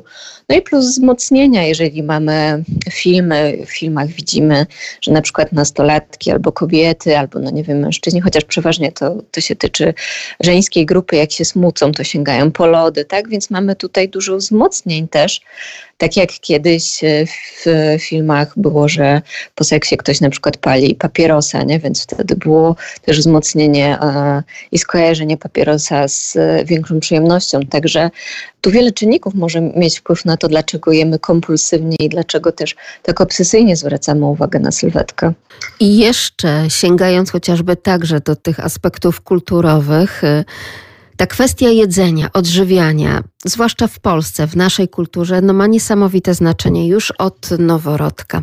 Począwszy od tej matki Polki karmiącej, e, która mhm. przez lata się ukształtowała, no zjedz jeszcze, tak? Później przez tą babcię, jeszcze to dojedz, no ziemniaczki możesz zostawić, stały slogan, ale mięsko zjedz. Kolejna rzecz, nic innego, tylko aby kwestie jedzeniowe, żywieniowe są tak bardzo ważne w wielu polskich domach, że bardzo często ten popełniany błąd, no jak zjesz to będzie deserek, to będzie coś słodkiego, prawda? I tutaj również kwestia uzależnienia nawet od y, słodyczy od razu może się nasuwać. To jest chyba też y, tym takim krzyżykiem, który, który przeszkadza nam zdrowo myśleć o odżywianiu zdrowym. Znaczy, przede wszystkim też proszę pamiętać, że my jesteśmy jako społeczeństwo też straumatyzowani przez wojnę i mówi się, że trauma utrzymuje się do czwartego pokolenia. I mówię o tym, ponieważ nie zdajemy sobie sprawy, że pewne też nawyki są sprzedawane z pokolenia na pokolenie, tak. I ja pamiętam, moja babcia była tego typu osobą, no bo przeżyła wojnę, e, że ona uważała, że dziecko nie może poczuć głodu, tak? I, i ona zaszczepiała swoje traumy nam, tak? E, wnukom. W związku z tym u nas jest to, też to przekonanie właśnie związane z tym, że e, starsze roczniki doświadczały kryzysu, głodu, tak? I jeżeli przyjrzymy się osobom, które były w obozach koncentracyjnych, to one potem magazynowały chleb na przykład pod poduszkami, chowały gdzieś jedzenie, tak? By nigdy nie zabrakło. Więc dla ciała to jest ogromna trauma. Nie dziwi mnie, że, że pojawia się w nas takie przekonanie, aby, aby dziecko jadło i no, a z drugiej strony rodzice nasi będą powielali to, czego dziadkowie nauczyli, prawda? W związku z tym będą wmuszali zamiast uczyć dziecka, jak szanować i respektować granice swojego ciała, jak na przykład uczucie nasycenia. A z drugiej strony u nas też jedzenie pełni formę, zwłaszcza właśnie wśród babci, jako okazanie miłości, prawda? Więc jeżeli nie zjem, no to okaże, odrzucę miłość babci czy tam cioci, a, więc chcę zjeść, mimo że już nie mogę albo nie mam miejsca. No i to też uczy nas nierespektowania nie swoich granic i możliwości przerobowych, a, a czasami jest jeszcze tak, że mówimy, że zjedz, bo wyrzucę, nie? czyli to jest komunikat, że nasz żołądek jest alternatywą dla śmietnika, co też nie powinno mieć miejsca. Tych błędów rzeczywiście i w wypowiadaniu kwestii dotyczących żywienia, diety jest bardzo, bardzo dużo. Już we wstępie swojej książki pisze pani, że potrafiłam ukrywać chorobę przed rodziną. Proszę w takim razie powiedzieć, uczulając naszych e, słuchaczy, odbiorców tej rozmowy, tak naprawdę co powinno zwrócić naszą uwagę? Jeżeli dziecko unika posiłków wspólnych, a mianowicie tłumaczy się ciągle bólem brzucha, albo że jadło wcześniej u koleżanki. I jasno, mogą być sytuacje, że faktycznie to miało miejsce, ale jeżeli zaczynamy obserwować, że tego jest zbyt dużo, albo że ginie duża ilość jedzenia, a dziecko nie przybiera na wadze, no bo taki na przykład napad bulimiczny potrafi za jednym razem pochłonąć 2 kilo jedzenia, tak? Więc to jest naprawdę duża, duża ilość. I na przykład moja rodzina nie łączyła tego, że ta ilość znika. Moja mama się wręcz cieszyła, że jem w końcu, nie? A ja stosowałam różne wymówki właśnie, że jadłam, albo brzuch mnie boli, albo nie mogę. Gdy też dziecko unika kontaktów społecznych tam, gdzie są wyjścia na przykład do restauracji, na hot doga i nie mówię o takim przypadku, kiedy są alergie albo nietolerancje, no bo to jest zupełnie inne podłoże. Mam na myśli tutaj dzieci, które nie mają zdiagnozowanych żadnych e, problemów z układem trawiennym czy alergiami, a zaczynają to unikać Kiedy pojawia się już też zainteresowanie kaloriami, bo dużo rodziców uważa, że to jest normalne, że nastolatka się odchudza. Generalnie nie powinno być. I jeżeli obserwujemy u, u dziecka właśnie takie zachowanie, to raczej powinno nas bardziej martwić niż, niż cieszyć. A czasami rodzice uważają, no w końcu zaczęła liczyć te kalorie i ograniczyła słodycze i rodzice są dumni. Nie? Natomiast to potem bardzo szybko przechodzi w te niezdrowe nawyki. Więc bardziej poobserwowanie, z jakiego powodu dziecko ogranicza te słodycze, czy to jest związane z jakąś krytyką, czy dziecko może doświadczało ostatnio nękania w szkole, bo czasami też dzieci się wyśmiewają. Miałam jedną pacjentkę, która miała wagę w normie, a dzieci w szkole wyśmiewały się, że jest gruba albo grubaska, albo pączek, nie? więc mimo, że absolutnie nie była. Więc też poobserwowanie, jakie są relacje w szkole, czy na przykład dziecko chce unikać wychodzenia do szkoły, że na przykład w niedzielę pojawiają się bóle głowy albo brzucha, a ustępują w piątek, nie? no bo to możemy mówić o jakichś objawach psychosomatycznych. Dodatkowo, jeśli chodzi też o kwestię jedzenia, to no właśnie zapach wymiocin, kiedy dziecko wychodzi z łazienki, ślady na ręku, ponieważ od prowokowania wymiotów czasami na, na rękach zostają albo siniaki, albo strupy, od wkładania ręki w gardło, przesuszona cera, kiedy morfologia zaczyna pogarszać się, kiedy dziecko no, spada na wadze też, bo to są takie sygnały, gdzie, gdzie warto zwrócić uwagę, co, co się dzieje, albo że dziecko na przykład jest upał, a nosi grube bluzy i dresy, nie? no bo nierzadko też przy zaburzeniach odżywiania pacjentki w ten sposób próbują maskować wygląd ciała, chowanie jedzenia, czyli no nie wiem, wrzucenie kanapek. Wiadomo, że Znowu, tu bym też rozgraniczyła, bo czasami nie mając zaburzenia odżywiania, dziecko może nie lubić kanapek, nie? a zje coś innego. Natomiast jeżeli zaobserwujemy, że nagle odkryjemy jakieś składowisko kanapek i waga dziecka spada, to warto byłoby to mieć na, na uwadze, tak? Czy w sytuacjach stresowych, kiedy na przykład rodzice się kłócą albo ro, kiedy jest rozwód, to wtedy też szczególną uwagę skierować na dziecko, jak ono sobie z tym radzi, bo to jest bardzo stresujący moment. Czy, no nie wiem, przeprowadzka, to są takie momenty, w których warto mieć dzieci bardziej na oku, bo nam się może wydawać, że one sobie super z tym radzą i one mogą mieć e, dobrą minę do złej gry, a wcale mogą sobie z tym nie radzić, ale nie chcą na przykład rozczarować rodziców, nie? więc nie będą mówiły o, o, o problemach. Także to są takie, no, ważenie oczywiście siebie, jedzenia, tak jak dziecko codziennie staje na wagę, jak zaczyna wszystko odmierzać, albo używa aplikacji typu Fitetu, albo jakąś inną do liczenia kalorii.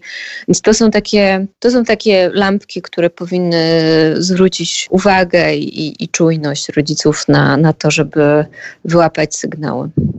Ciągle używamy i zresztą spotkałyśmy się przecież w gronie kobiecym i używa Pani sformułowania pacjentki. Czy rzeczywiście te kwestie zaburzeń odżywiania nie dotyczą chłopców, dotyczą w mniejszym stopniu? To jest znikomy procent. Używam tego zwrotu, ponieważ większą część osób w moim gabinecie stanowią pacjentki, ale ma Pani rację i dziękuję za zwrócenie uwagi na to, że ten problem nie tyczy się tylko kobiet i tyczy się też mężczyzn, e, chłopców. Natomiast no, w różnym procencie, tak? Troszkę mniej, chociaż no teraz pytanie, czy statystyki pokazują, że, że mniej mężczyzn, czy mniej mężczyzn sięga po pomoc, bo na przykład to nie męskie jest, nie? Chodzi do psychologa, bo jednak niestety pokutują u nas takie przekonania. Statystyki mówią, że mniej, natomiast tak jak wspomniałam, one, one też pokazują osoby, które idą przeważnie do, do, do jakichś państwowych, a do prywatnych też nie wiemy. Widzę natomiast, że częściej panowie przyjdą, jeśli chodzi o takie napadowe jedzenie, niż, niż na anoreksję, aczkolwiek też się zdarzają. Panowie też mogą mieć trudności z ortoreksją, czyli takim obsesyjnym zafiksowaniem na, na punkcie zdrowego jedzenia. No i jeśli chodzi o zwiększenie masy, nie? ale aczkolwiek ci panowie raczej nie, nie trafiają do gabinetu, czyli to są osoby, które na przykład uważają, że jak dzisiaj nie pójdą na trening, to od razu masa mięśniowa im spadnie, nie? więc to też jest pewnego rodzaju zaburzenie postrzegania siebie i swojego ciała. Anoreksja i bulimia to są już takie sformułowania, które w takim dyskursie społecznym latami poznawaliśmy.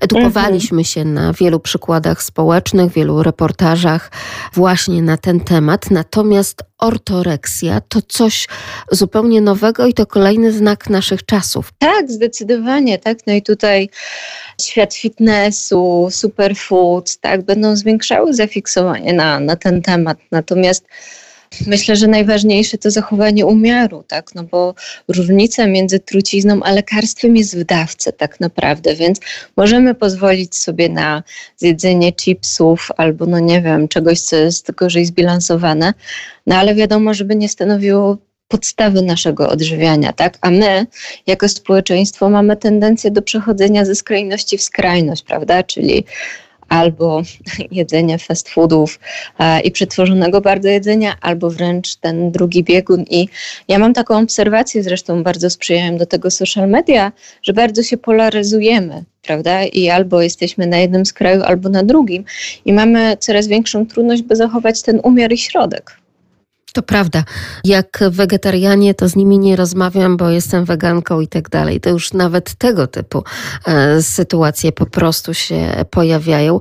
Generalnie to jest niesamowite, że tak wiele rozmawiamy i tak duże znaczenie w naszym życiu ma, ma to jedzenie. Ma, bo też ma funkcję społeczną i przecież e, bardziej lubimy osoby, z którymi jemy, jemy posiłek, dlatego na przykład spotkania biznesowe nierzadko są przy wspólnym posiłku, a to jest celebrowanie urodzin przecież, prawda, wesela, święta, więc biesiadujemy w naszej kulturze często właśnie przy, przy e, suto zastawionym stole. W związku z tym jedzenie ma, ma ogromne znaczenie. Jest też, powiedzmy sobie szczerze, przyjemne, tak? No bo jeżeli jemy coś, co nam smakuje, to odczuwamy przyjemność. Problem jest wtedy, kiedy to jest jedyne źródło naszej przyjemności i nie mamy nic w naszym życiu takiego, co daje nam przyjemność, taką jak jedzenie. Wtedy to stanowi trudność. Natomiast no nie zapominajmy, że to też może być coś przyjemnego. Zakochani chudną szybciej, prawda? No tak, ale tam wie pani, są hormony i zupełnie e, jest brak apetytu. E, jeden z moich wykładowców e, nazywał patologiczny stan nazwany zakochaniem. Tu taki żart oczywiście, ale faktycznie to jest ten moment, w którym idealizujemy drugą osobę, widzimy ją w zupełnie innym świetle, prawda? Hormony buzują, też mamy zmniejszony apetyt, jesteśmy bardziej pobudzeni. Oczywiście no, trwa jakiś czas na szczęście, bo nie bylibyśmy w stanie tyle wytrzymać. E, natomiast tak, zmieni nam się zupełnie perspektywa i, i apetyt, tak? Natomiast z drugiej strony są też osoby, które pod wpływem stresu zaczynają więcej jeść, nie? bo próbują zredukować to napięcie w ciele i emocjonalne za pomocą jedzenia, więc znowu to jest kolejna funkcja, którą może mieć jedzenie wspierać i nie komentować, jak tak naprawdę postępować z dzieckiem, u którego już mamy zdiagnozowane zaburzenie odżywiania i które po prostu widzimy, że cierpi, a my cierpimy razem z nim. Znaczy tak, towarzyszyć i być i to jest najtrudniejsze, bo rodzice uważają, że muszą zrobić coś za, ale no to dziecko też część z tego potrzebuje samodzielnie przepracować, a bardzo dużo daje bycie i słuchanie. Wtedy dziecko czuje się ważne, czuje, że ma wsparcie. Nie wchodzić w poradnictwo typu, no wejdź tylko zjedz to, albo nie myśl o tym, tak? No bo to są rady, które nie zawsze łatwo jest zastosować w życiu. Kolejną kwestią jest też porozmawianie, co pomaga, tak? I czy bycie właśnie wspólnie przy posiłkach, czy żeby to rodzic gotował, więc warto też myślę, że skontaktować się z jakimś specjalistą, który podpowie po takim spotkaniu na przykład rodzinnym, jakie są ewentualne strategie, zapytać się dziecko, kiedy na przykład nasze zachowanie jest pomocne, bo my często nie pytamy się tego naszego dziecka, a ono najlepiej powie, że wiesz, ja nie lubię, jak sobie robisz żarty z mojego ciała, nie, że jestem taka chuda. Dla nas może być to niewinny żart, ale dla dziecka wcale nie. Akceptowanie, normalizowanie, że to jest normalne, że mamy głód, tak, albo że nasze ciało się zmienia, to jest coś, co mogą zrobić rodziny i postrzegają to jako tylko, a to jest aż. I uwaga, uwaga i, i bycie przy. I nie chodzi o to, że my musimy radzić sobie z smutkiem dziecka, że mamy coś zrobić, bo fajnie jest dać też przestrzeń na to, żeby dziecko mogło przeżyć ten smutek, tak? Albo złość. Ważne jest, żebyśmy też nie obrażali się na dziecko, kiedy nawet ono, bo czasami zdarza się, że wyzywa albo obwinia nas o coś, to byśmy nie traktowali tego personalnie, tak? Bo ono krzyczy o sobie, a nie o nas.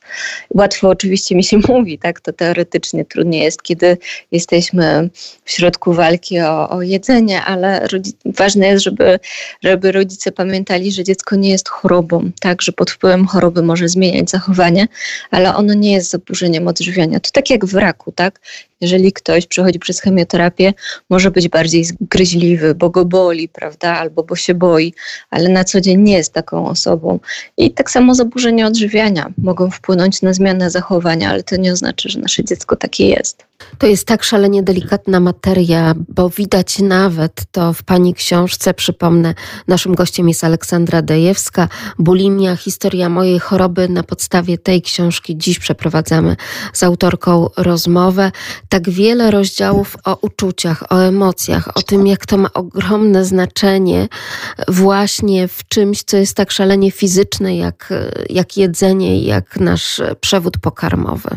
No, mówi się, że układ trawienny to taki nasz drugi mózg i faktycznie tam też pojawia się produkcja serotoniny, która jest odpowiedzialna za, za nasz nastrój, tak? Więc jeżeli ktoś ma trudności z wchłanianiem, będzie to wpływało na naszą psychikę, o czym świadczy eksperyment Minnesota głodowy, który dowodzi tego, że głodówka może wpływać na nasz nastrój, nasilenie objawów depresyjnych, spadek libido, więc tu mamy wpływ e, jedzenia, prawda? Jak, jak szalenie istotne jest w, w naszym życiu. No i głodni nie jesteśmy sobą, no i jest w tym dużo prawdy. Ponadto nie bierzemy też pod uwagę, jak szalenie istotny jest rozwój emocjonalny jednostki, że bliskość jest o wiele ważniejsza niż potrzeby materialne, bo nawet e, był taki eksperyment na małpkach, które miały wszystko dostępne, jedzenie, sen, picie, a one zdychały, tak? A kiedy miały substytut matki, nawet metalowy, do którego mogły się przytulić, to przeżywały. Więc to dowodzi nawet, że w świecie zwierząt, tak, ta, ta bliskość i, i emocje są potrzebne do rozwoju. I u nas tak samo, u ludzi zresztą. Kiedyś jak rodzice nie byli w szpitalu z dzieckiem, to dziecko cofało się i miało regres rozwojowy z powodu braku tej bliskości. Dlatego uważam, że bliskość i akceptacja mają niesamowitą, niesamowitą moc leczniczą przede wszystkim, z czego rodzice, tak jak rozmawiam, nie zdają sobie sprawy, bo uważają, że muszą, muszą robić coś więcej. A to jest bardzo dużo. Kiedy ktoś ma uwagę naszą, kiedy jesteśmy przy doświadczeniu emocji, kiedy dajemy przestrzeń na to. Tak naprawdę bardzo, ale to bardzo zmieniło się to nasze społeczeństwo, jeśli chodzi o wygląd, jeśli chodzi po prostu o wagę. Widać to chociażby, kiedy oglądamy zdjęcia z lat minionych, kiedy między innymi oglądamy filmy, nie wiem, polskiej kroniki filmowej. Tam naprawdę ci ludzie na ulicach, czyli ten przeciętny Kowalski i Kowalska, po prostu byli o połowę szczuplejsi niż my teraz na tych współczesnych zdjęciach. Pandemia spowodowała to, że tak bardzo ta waga podskoczyła. Jak tutaj poradzić sobie w rodzinie, zwłaszcza jeśli chodzi o dzieci? Bo teraz, kiedy na przykład ja przychodzę do szkoły po moje dzieci i spoglądam na te klasy, to jestem zaskoczona tym, że jeszcze w tych naszych rocznikach, no to nie wiem, może była jedna na klasę osoba z dość znaczną nadwagą, natomiast wszyscy inni po prostu byli szybcy, szczupli, sprawni. To się bardzo, ale to bardzo zmieniło. To jest coś niesamowitego, że mówimy chociażby o tej ortoreksji, którą nam pani tutaj nakreśliła, a z drugiej strony tak bardzo widać, jak nasze dzieci po prostu w zastraszającym tempie tyją i nie mhm. ruszają się. No, tutaj z drugiej strony no, niestety jest to związane z rozwojem cywilizacyjnym i kiedyś dzieci nie były podwożone e, autem do szkoły, tylko z buta albo z autobusu. E, autobusem się podjeżdżało, prawda? Więc tutaj było więcej aktywności. Dzieci więcej wychodziły na podwórko. Dzisiaj jest strach wypuszczenia dziecko na podwórko, bo cię zgwałcą, zabiją, nie wiem, napadną, tak? A kiedyś dziecko sobie śmigało na jednym boisku, na drugim. Dzisiaj te kontakty przechodzą w świat wirtualny bardziej, nie? więc myślę, że to jest jedna kwestia. Druga, mamy więcej dostępnych wysoko przetworzonych produktów z dużą zawartością cukru, napoi energetycznych, tak, czy gazowanych, czy, czy, czy fast foodów. One są tańsze czasami niż zdrowsze jedzenie, są wzmacniane smakiem, w związku z tym dzieci częściej będą sięgały po to, co im bardziej smakuje. Ponadto no, w komunikatach mimo wszystko mamy groźby, tak? czyli że to jest złe jedzenie, nie? Że, więc zakazany owoc no, smakuje oczywiście najlepiej. To jest jedna sprawa, ale druga też e, straszymy i wtedy pojawia się poczucie winy, kiedy ja zjem, tak? Na przykład, no nie wiem, czekoladę albo tam jakąś pizzę. A poczucie winy jest wstępem do zaburzonej relacji z jedzeniem.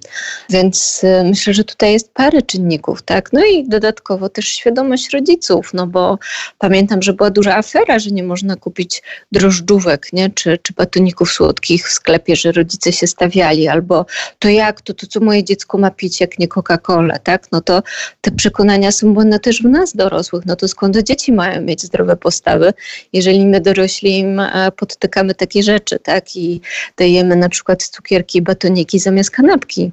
To myślę, że to też wymaga przyjrzenia się naszym zwyczajom i jak my jako dorośli postępujemy. No bo z drugiej strony skądś te dzieci mają cukierki w szkole, tak? Jakieś dziecko przynosi z domu, więc no ono nie bierze ich znikąd. To prawda. Czy byłaby to dobra porada dla słuchających nas rodziców i opiekunów e, dzieci, żeby rozpocząć na przykład takie odchudzanie dziecka z nadwagą? To dobrze by było nie tylko udać się do dietetyka, ale także i do psychologa, że to gdzieś jednak duże założenie ma również w tej psychologicznej relacji z własnym ciałem? Może. Myślę natomiast, że o wiele lepszym jest, jeżeli cała rodzina przejdzie na zdrowsze odżywianie. Bo jeżeli stwierdzimy, że ty się odchudasz, bo ty masz problem, no to już trochę piętnujemy to dziecko, tak? I, I to może też zwiększać jeszcze bardziej zaburzoną relację z jedzeniem. Kiedy natomiast my jako rodzina wpływamy na, na nawyki, pomagamy dziecku też w zdrowszej relacji z jedzeniem, no to też jesteśmy zasobem i wsparciem dla tego dziecka, więc tutaj z dużym nakierowaniem, aby to była zmiana w rodzinie, a nie tylko dziecka, że tu z tobą jest problem, no bo to będzie potem owocowało dalszą zaburzoną relacją z jedzeniem. Zresztą często pacjenci mówią mi w gabinecie, że te początki były, bo rodzina cisnęła, żeby schudł, schudła, no a sami na przykład jedli ciasto, nie? a temu dziecku nie dawali kawałka ciasta, więc to dziecko czuło się wykluczone. Także myślę, że tutaj do przyjrzenia się też, jeśli chodzi o, o zasady w rodzinie. Nie? I jasne, pomoc specjalistów jak najbardziej, no bo im mamy większą wiedzę, tym lepiej radzimy sobie i wiemy, jak reagować w danych sytuacjach.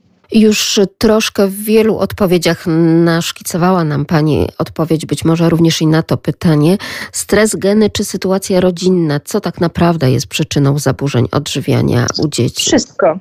Wszystko. To tak jak ciasto nie upiecze Pani mąką, ani samym jajkiem potrzebuje Pani paru składników. Tak samo jest przy zaburzeniach odżywiania. Nie umiem, im dłużej pracuję, tym mam większą pokorę do tego, by nie, nie, nie odpowiadać na takie pytania, że to na pewno geny, albo to na pewno rodzice, albo tylko kultura, albo cechy osobnicze, bo tak naprawdę to wszystko ma wpływ na, na to, bo no powiedzmy jedno dziecko w tej samej rodzinie, czyli niby ta sama pula genowa, będzie miało zaburzenie odżywiania, a drugie nie. No i co?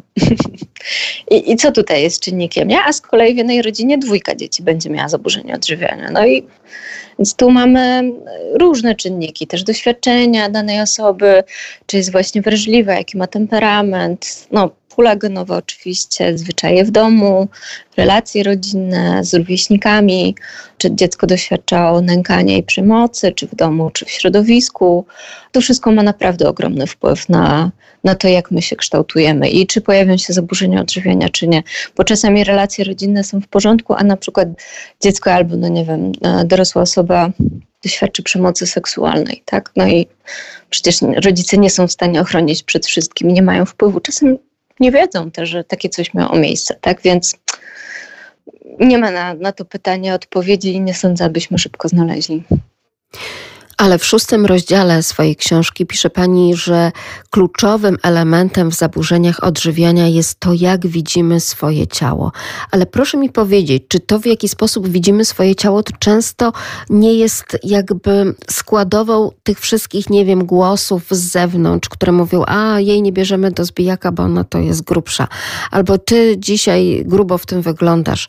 Czy rzeczywiście to też nie są te impulsy z zewnątrz, Oczywiście to jest internalizacja, czyli kiedy słowa jesteś leniwa stają się jestem leniwa, nie? czyli przyklejamy sobie pewne etykiety, które usłyszymy z otoczenia, no bo dziecko skądś musi wpaść na to, że coś z jego ciałem jest nie tak. No z kosmosu tego nie bierze. I czasami e, no albo z wirtualnego świata, albo właśnie w szkole, czasami jest tak, że to nie jest personalne, ale na przykład, nie wiem, pani od WF-u albo trener wyśmiewa inną osobę z drużyny, no i wtedy inni, żeby nie być w ogniu krytyki, unikają. Czasami spotkanie rodzinne, gdzie jest tak zwane, ja to nazywam roast, i wyśmiewanie, o, przytyłaś, schudłaś, nie? I mogą to robić ciotki, babcie, ktokolwiek inny z rodziny, wujkowie, nie? Czasem, więc to może też mieć duży wpływ na postrzeganie krytyczne względem swojego ciała. Także tu, tu może mieć wiele czynników, w jaki sposób widzimy i postrzegamy. Nie? Jeżeli też mamy niską samoocenę, nie lubimy siebie, no to trudno, żebyśmy zaakceptowali swoje ciało. Nie? Więc to i to, jaką mamy relację z sobą, ale też to właśnie, co chłoniemy z otoczenia, będzie miało wpływ na to, jak postrzegamy swoje ciało. Kiedy dziecko zachoruje, powiedzmy, na grypę i kiedy widzimy, że już jest, nie wiem, na trzecią dobę ta gorączka mniejsza, spada, kaszel e, już przechodzi w kaszel taki bardziej mokry, odrywający się, więc już widzimy światełko w tunelu, że to dziecko z tej choroby wyjdzie. A czy z anoreksji, czy z bulimi można rzeczywiście wyjść? Można. Dobrze przepracowane zaburzenia odżywiania są wyleczalne. Oczywiście to zależy, jak długo trwa choroba, no bo im dłużej trwa, tym trudniej jest pozbyć się, bo czasami pacjentki, pacjenci traktują to jako element tożsamości. Natomiast można wyjść. No i myślę, że jestem tego przykładem, tak, że na ten moment nie mam problemu ani z prowokowaniem wymiotów, ani głodzeniem się, ani liczeniem kalorii. W zdrowy sposób pozwalam sobie na, na produkty, które są uznawane za mniej zdrowe. Tak, oczywiście, z taką uważnością na potrzeby swojego ciała i na zdrowie. A więc y, myślę, że można nauczyć się tej zdrowej relacji z jedzeniem i ze swoim ciałem, ale wymaga to pracy. Tak jak i pracy wymaga chociażby przygotowanie tego zdrowego posiłku. W Pani książce znajdziemy przykładowe diety dzienne, jest taki mhm. załącznik.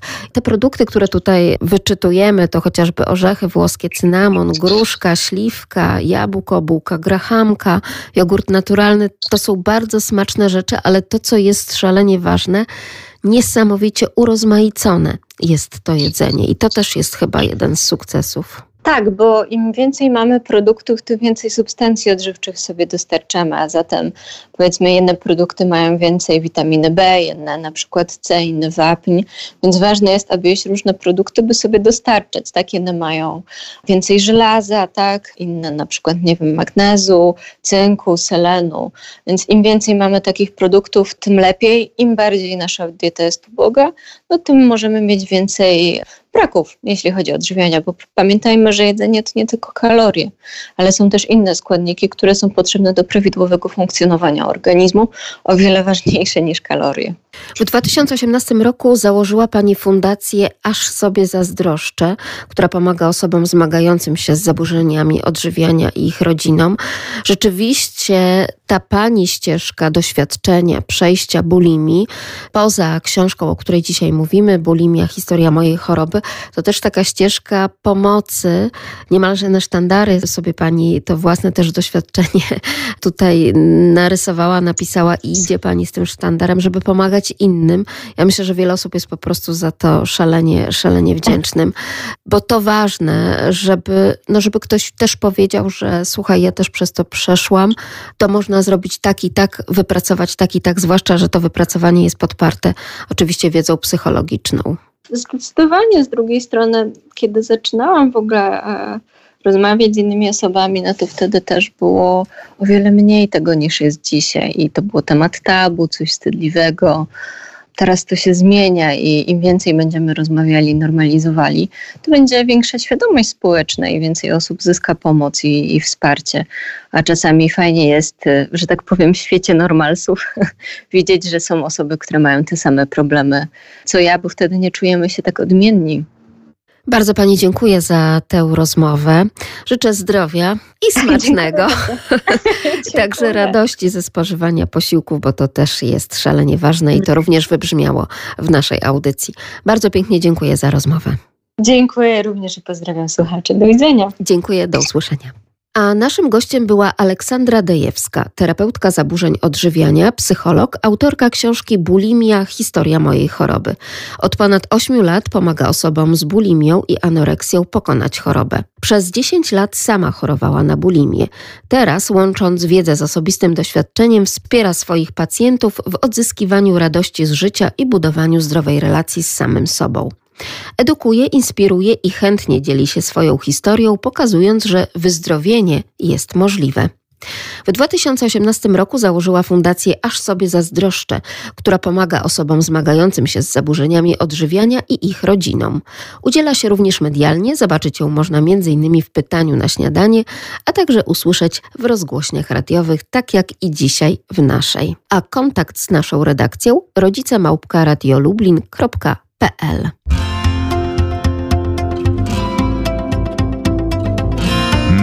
rodzice. Sprzed mikrofonu kłania się Magdalena Lipiec-Jaremek. Mówię Państwu do usłyszenia, dobranoc i jak zawsze do spotkania w każdy wtorek tuż po 22.